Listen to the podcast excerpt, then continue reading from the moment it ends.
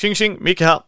Jag har intervjuat Johan, en av författarna bakom Nelly Rapp rollspelet. Denna är inspelad live, så där är lite bakgrundsljud och kanske inte det bästa ljudet, men jag hoppas det ska funka ändå. Nu eh, sitter jag med Johan Broman, som jag känner mer från Asmodee Nordics.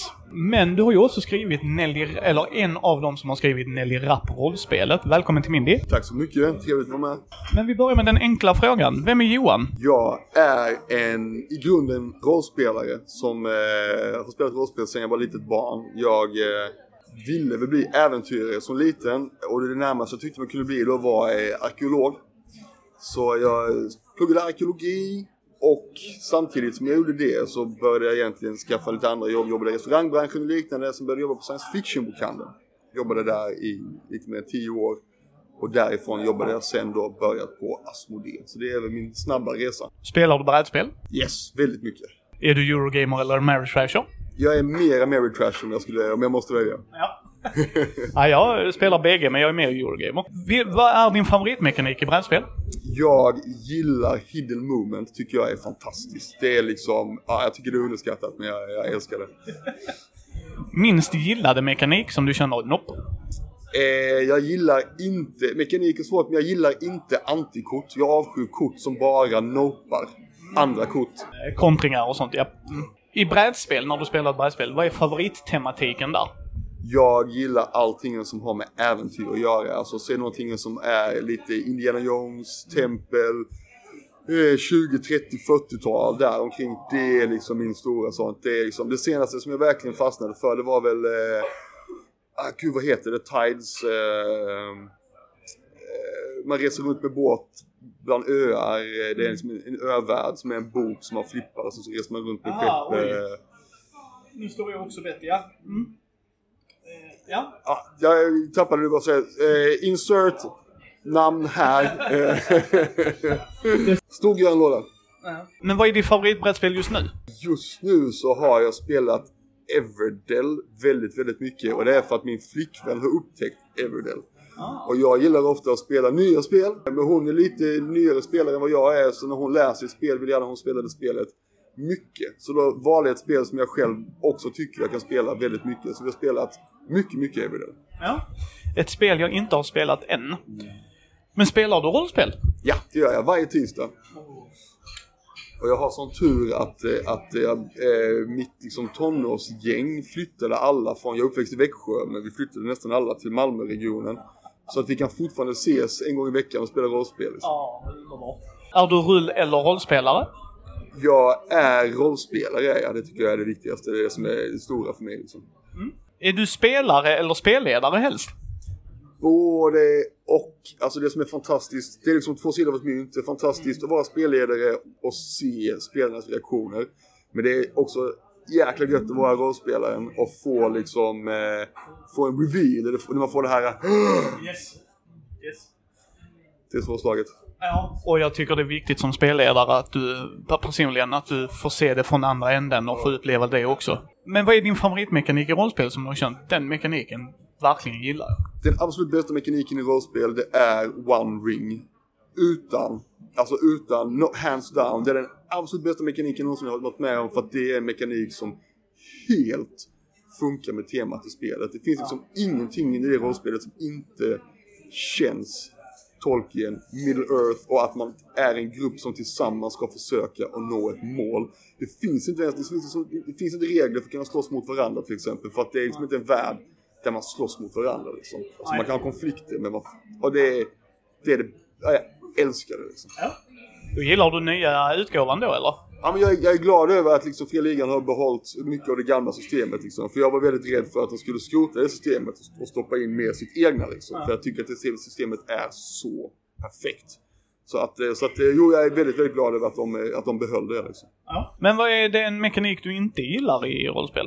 Ehm, jag gillar inte när man rullar för många tärningar utan att själv i förväg kunna lite grann avgöra vilken, hur stor utfallschansen är liksom. Ja.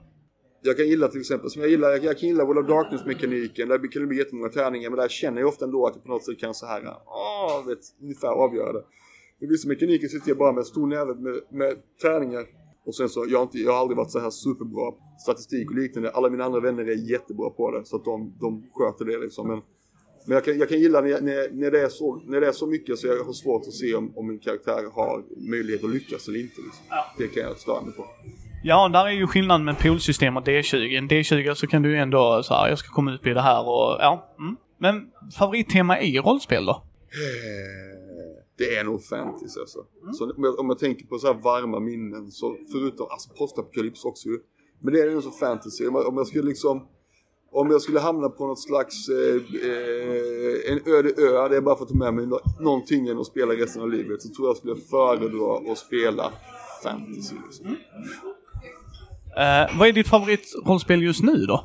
Eh, just nu är det väl, just nu de två vi spelar är MUTANT Undergångens arvtagare, eh, alltså det är från början av 20-talet liksom. Och sen så spelar vi också eh, Kopparhavets hjältar. Och jag tycker det är ett jättebra spel. Jag är superglad över det här rollspelet. Det påminner, tycker jag, så himla mycket om eh, känslan att spela Demoner när man var liten. Och de har verkligen lyckats att liksom eh, eh, göra någonting som känns enkelt, hanterbart, mera manageable för de har det här med öppna och stängda slag. Och också en värld som man både kan dyka ner i som nybörjare men alla som har spelat i och känner sig så hemma där också. Liksom. Fenomenal produkt. Eh, man kan spela anka och jag är nöjd redan där. Både jag och min son spelar Anke. Vi spelar ett brödrapar som är Anke liksom. Så att, eh, jag är helt med på Anktåget. Men ditt bästa spelminne då? Mitt bästa spelminne är nog första gången vi spelade igenom eh, Power Behind the Throne-kampanjen till eh, Warhammer Fantasy Role Playing Game. Och då hade vi en jättebra spelledare, han var jätteengagerad, han hade jättemycket tid och vi spelade samma karaktärer i, jag vet inte, två år däromkring liksom. Jättestort, klimax, allt det här. Den var eh, eh, riktigt, riktigt bra liksom. Och så här, jag hade väl bara spelat Warcraft, eh, eller eh, eh, Warhammer menar jag, eh, figurspel tidigare liksom. Och det var så kul att få liksom, en djupare introduktion till den världen för den är bara det är så knäppt på ett så kul sätt liksom. Yes. Den, den har det här lite som MUTANT Undergångens arvtagare också har, att den kan verkligen, den kan så sömlöst vandra mellan humor, skräck och eh, liksom eh, sorg och olycka. Det är, det är så många aspekter man kan få in i de världarna och det känns aldrig eh, forcerat. Jag håller helt med. Jag håller helt med. Den världen är... Eh, och det är samma med MUTANT. Alltså det är just... Vi håller ju på att spela MUTANT i podden och det är, är verkligen en underbar värld. Vi är ju här för att dels att du har gjort rollspelet Nelly Rapp. Om, om du skulle förklara det för någon, hur skulle du göra då? Jag skulle säga att det är, eh, säger, har man så här elevator pitching kanske är du vet eh, eh, Ghostbusters för barn i Sverige. Ja. Om man ska vara, om man ska koka ner det så snabbt det går liksom. Och, eh, och hela idén med spelet är ju att det är ett, ett, eh, ett rollspel som specifikt jag har gjort för att det ska vara till för barn och nybörjare. Någon som aldrig prövat rollspel tidigare. Någon som är nyfiken på det men som, men som inte har vet, en, ett stora syskon eller den här sköna släktingen eller någonting så utan hela eh, målet med spelet är att man ska kunna plocka upp det och komma igång så snabbt det bara går. Liksom. Hur började det arbetet? För jag hade ingen aning om vad Nelly Rapp var då jag själv inte har småbarn och dylikt liksom. Kom de till dig eller hade du en idé och gick till dem? Jag hade en idé och gick till dem. Det är så att min flickvän är god vän med eh, Martin eh, som har skrivit böckerna. Liksom. Så att jag föreslog idén för deras bokförlag då, Bonniers. Och så sa jag till dem att jag tycker att den här världen skulle vara perfekt för att göra ett rollspel för barn. Liksom. Och i och med att jag hade träffat honom tidigare och han och vi tyckte om varandra så, så var väl det liksom nog för att de skulle säga okej, eh, vad är det här? Liksom? Vad innebär det? Så då bjöd jag in allihopa till liksom en digital eh, rollspelssession liksom. Så då satt jag liksom med Martin och sen med illustratören Emil Maxén och sen med några människor från förlaget. Och så, så eh, hade vi en två timmars rollspelssession liksom. Där de fick göra sina karaktärer. Och vi började spela, jag förklarade för dem hur det funkade och, och de fick testa på olika aspekter av det liksom. Och i slutet av det så var väl alla så övertygade om att det här var någonting de tyckte själva var så roligt som de ville satsa på det. Liksom. Mm. För eh, jag var, ni var så snälla och skickade ett recensionsex. Den här intervjun kommer ut tidigare än eh, videon, men jag gillade det för att det är, eh, inte för mig, vilket allt inte ska vara. Eh, men också när det är tydligt att det inte är för mig. För vissa spel förlorar informationen ut till de som köper det, men det här är väldigt tydligt. Du har tre värden, du ska slå en D6 och det ska vara över precis. Så en sexa är alltid lyckad, en etta är alltid misslyckad. Straight forward, simpelt, när du går upp i nivå eller levlar så sänker du ett värde. Det var verkligen så här, åh! Precis. Det, det, är liksom det, är det det är gjort för nybörjare och yngre kids liksom så här. Men hur kom den idén från dig? För att undergångsarvtagare är ju inget. nej, nej, nej. nej utan, utan jag, eh, jag eh, hade också spelat rollspel med, mitt, med min son och då satt vi bara med vet, rutat block och papper och penna liksom. Och så hittade vi på så här. Han fick alltid bestämma liksom. Det som jag minns mest du spelade, det var han, han var en robot-trollkarl och jag var en muterad utter liksom. Och så spelade vi någon slags påhittad fantasyvärld där vi gick omkring i dungeons. Så jag var liksom spelledare och spelare samtidigt och han var med liksom. Och för att ha något slags system så hade vi bara en tärning och, och en penna och papper. Det skulle bara vara enkelt liksom. Och så hade vi tre stats. Liksom. Så att allting liksom kom lite grann därifrån att jag kunde sitta och spela med honom och jag såg hur kul han tyckte det var och hur, hur lätt det var att förstå för honom. Och så lärde jag mig också snabbt att när barn misslyckas med någonting i spel eller liknande ofta så säger de bara att de gör samma sak igen. Så att Säg de ska dyrka en dörr och så står de och så misslyckas de och så säger man så här, ja du misslyckas med att dyrka dörren. Då säger man att okej okay, jag dyrkar igen. Så därför vill jag göra ett system med, för det finns då en mekanik som är lite så här fade forward-aktig som gör att så länge du inte slår en etta så lyckas du med det du vill göra liksom. Ja. Så, att, så att det ska gå, berättelsen ska hela tiden gå framåt. Så att man inte stannar upp. För ofta har jag märkt då, när man stannade upp med barn, så blev det bara att de liksom fortsatte göra samma sak tills de lyckades. Så kände jag att det är bättre att försöka bygga bort det liksom. Yep. Ja, ja, men det, det, är inte gjort för dig och mig. Det är gjort för de yngre eller nybörjarna att man skulle kunna plocka upp det. Men hur anpassade du, för det var de tre L'en, lärdom, list, och lugn. Och lugn, ja. Hur, hur, hur kom det sig? Är det i böckerna? För som sagt, jag har ingen Nelly Rapp-bokreferens alls. Jag fick känslan av det, vilket jag tyckte var jättebra, ja. så att du inte behöver känna böckerna. Nej. Eh, men jag tycker också samtidigt, men är de tre elden med väldigt centralt i hans böcker? Precis, det är de som liksom då, eh, det handlar ju om barn som tillhör det här som kallas för Monsterakademin. Eh, och deras, lite grann som scouterna har de lite alltid redo, så har de att deras devis är då lugn, lärdom och list. Som är de tre olika aspekterna som de ska använda sig av för att klara av sina liksom, utmaningar eller så här när man hamnar inför någonting. Och det är med redan från första boken och det är liksom drivande genom alla böckerna hela tiden då. Ja, hur, hur, hur Nelly löser och sen senare Valle, hennes kompis, hur de löser olika problem utifrån de här tre aspekterna. Och det var det med som gjorde det så eh, eh, eh välanpassat för att göra ett spel. Att det fanns de här tre, okej okay, här är liksom tre grundegenskaper skulle vi kalla det för liksom. Som är etablerade i världen redan från början. Världen har också en grej som gör att varje gång de klarar av ett uppdrag då har de liksom en liten silvernål. Och varje gång man klarar ett uppdrag då får man en liten pärla på silvernålen så att olika monsteragenter kan se hur många uppdrag de har genomfört.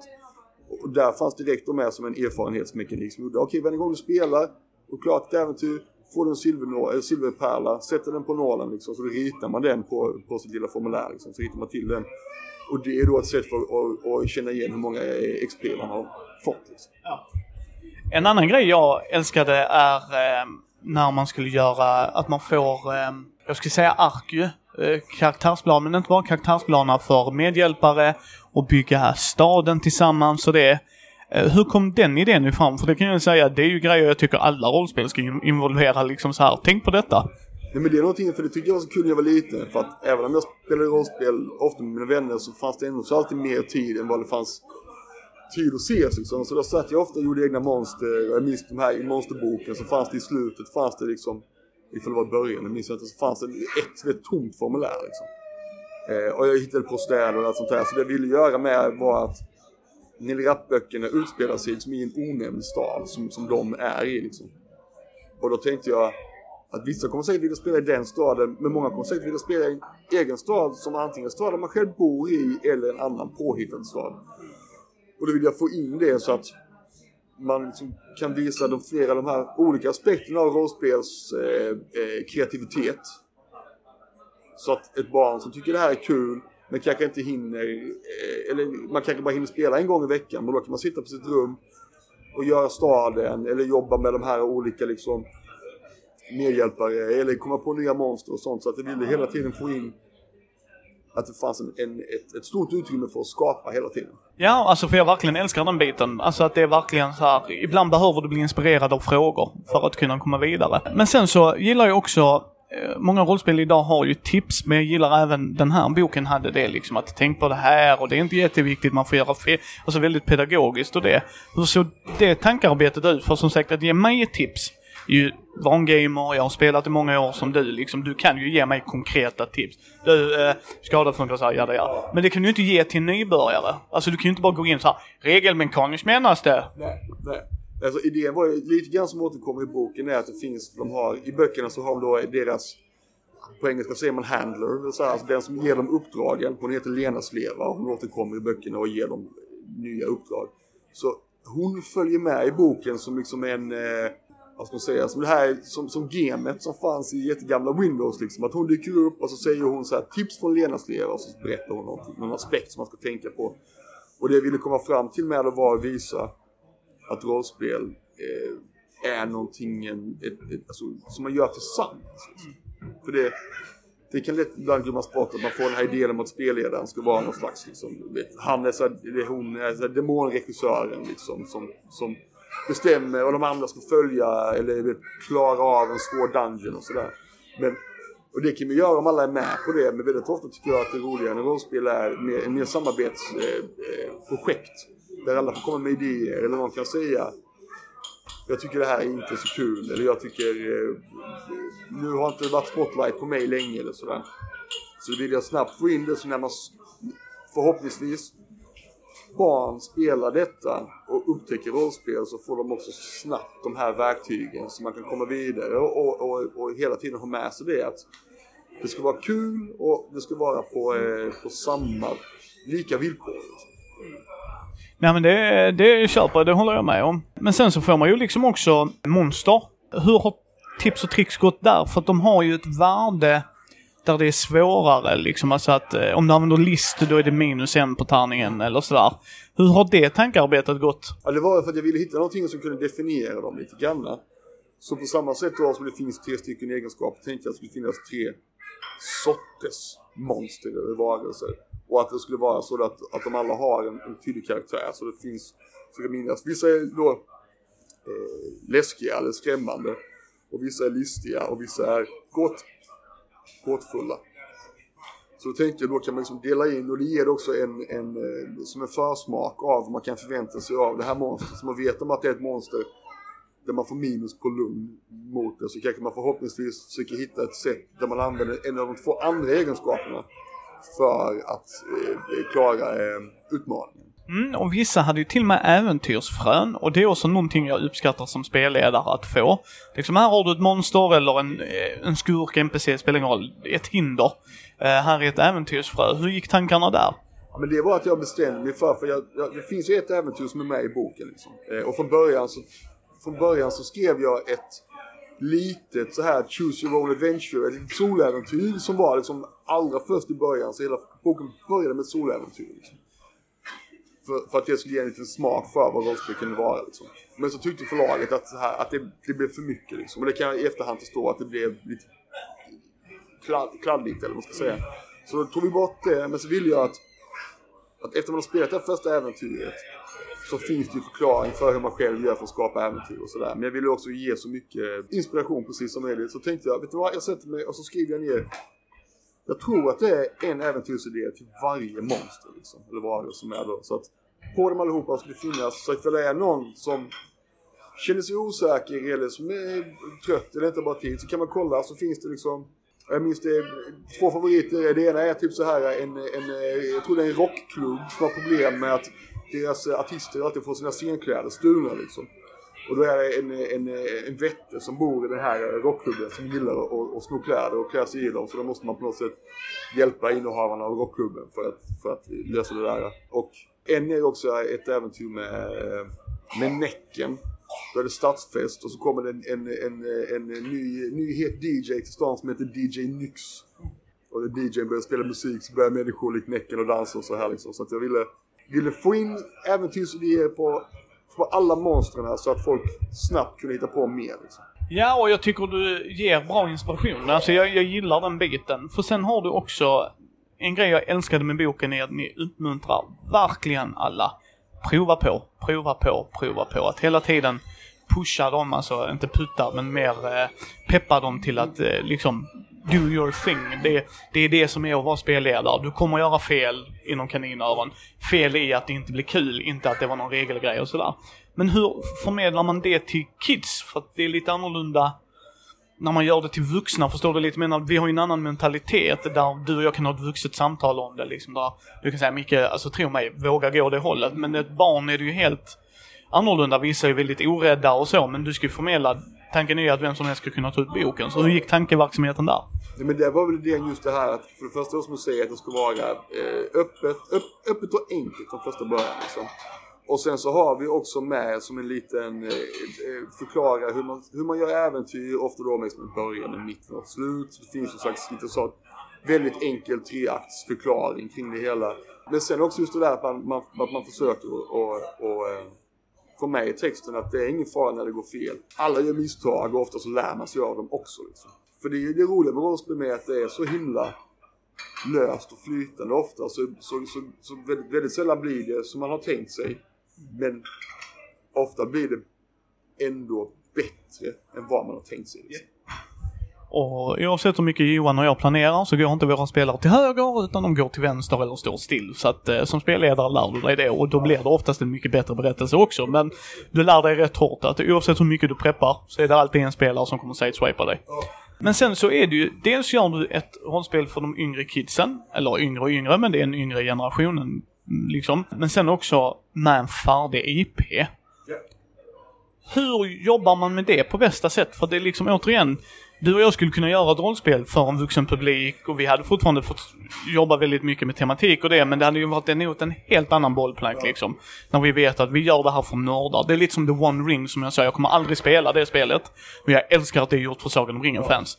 Hur, hur approachar man det som rollspelsräv liksom, när du har kanske ibland för mycket kunskap. Ja, men grejen är för det första så måste man ju vara som då behandla behandlad existerande källmaterialet väl liksom. Så att man inte gör någonting med karaktärer eller med världen som, som inte skaparna själva skulle gå med på liksom. Så att vissa idéer jag haft har jag liksom då skickat till Martin och frågat honom. Som, som till exempel då så här, eh, hur mycket historia finns det kring Monsterakademin? Och så var han så här, det finns lite grann och det finns lite grann en, en bok där och en bok där. Men det är inte jättemycket skapat liksom, kring mer än att den, att den skapades under medeltiden. Liksom. Bara så här, ah, okej. Okay är det okej okay om jag skriver liksom några eh, egna karaktärer som jag har skapat genom som har varit monsteragenter genom historien då. Så sa han, ja det är väl klart men eh, du får ju gärna skicka dem till mig så jag får kolla liksom.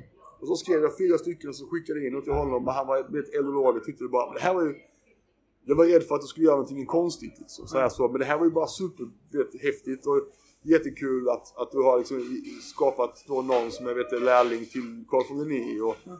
hela med tredje så att man var tvungen att bara se till så att de blir nöjda liksom.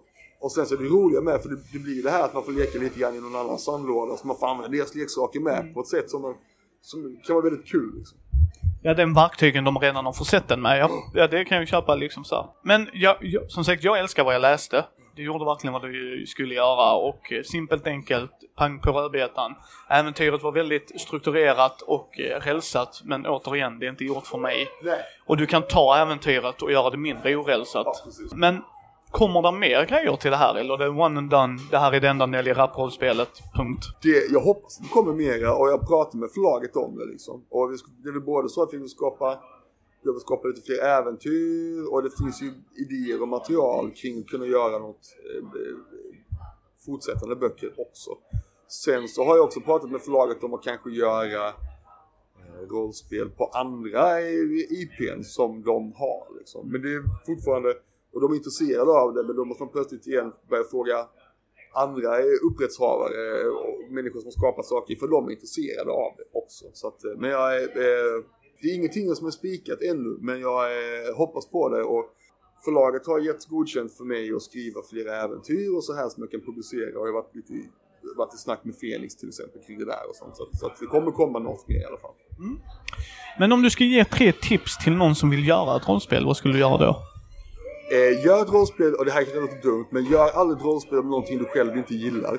Tänk inte, tänk inte, ha, vad vill folk spela? Utan tänk, vad vill jag spela? Det är liksom det första. Så, för ifall du gör någonting om en grej du inte själv riktigt gillar så kommer du aldrig slutföra det. Eh, ifall du inte får betalt för att göra det från början. Och det är väldigt, väldigt sällan någon får betalt för att göra ett rollspel från början. Liksom. Så ska du göra, om ett, någonting du gillar, och sen så ska du direkt också ha en, eh, liksom en, eh, ditt rollspel måste ha en, så här, en, en call to action. Så vad är, det, vad, är, vad är det man gör i ditt rollspel? Så man måste vara så vad är man? Man är eh, spioner som reser världen över. Eller man är agenter som jagar monster. För det finns ju öppna rollspel som är liksom, ni vet, stora fantasyvärldar, stora science fiction-världar sådär. Men jag tror verkligen att när man skapar sitt första rollspel ska man inte försöka att göra Dungeons and Dragons. Du ska göra liksom en liten, ganska smal grej. Du ska göra någonting som är enkelt att förklara för människor och säga detta rollspelet gör man det här i liksom. Och det sista är väl att om du inte är supersäker på att du kan göra ett eget bra system så använd ett öppet system som finns. För på ett sätt så kan det ge extra skjuts liksom. Om du, om du har ett system som du tycker är kul att spela i. Vilka är det senaste? Nu Mörkborg har väl ett eget licenssystem till exempel. Liksom. Så, så ifall du inte, om du inte känner att du måste knyta systemet till din värld. Använd ett existerande. För det kan ge extra skjuts istället. Kan folk, kan folk få nyfikna på ah, men det kan jag redan. Och jag gillar ju de här andra grejerna som finns i det här systemet. Så då kan jag testa det här med. Liksom. Ja. Och den sista frågan till dig Johan. Vad är det som är så underbart med vår hobby? det är att det är obeskrivbart vad det är man gör utan att göra det. Och när, och det, också det här grejen med rollspel som jag har upptäckt. När du spelar rollspel med människor en gång så vet de där och då om de kommer aldrig göra det igen eller göra det resten av livet. Det är en sån grej, det är en upplevelse som är så, så unik så man vet direkt efteråt om man vill göra det resten av livet och aldrig göra det igen. Jag jämför det lite grann ibland med att stå på scen. Så här, människor, man står på scen, kliver av, så känner man det här vill jag aldrig göra igen. Och så känner man det här vill jag göra resten av livet. Ja, jag håller helt med. Eh, tack så mycket Johan. Kul att komma, kul att få prata med dig. Eh, vi kommer att peta på Johan mer när andra grejer kommer och dylikt, så att det behöver ni inte vara oroliga över. Så, tack så mycket. Tack själv.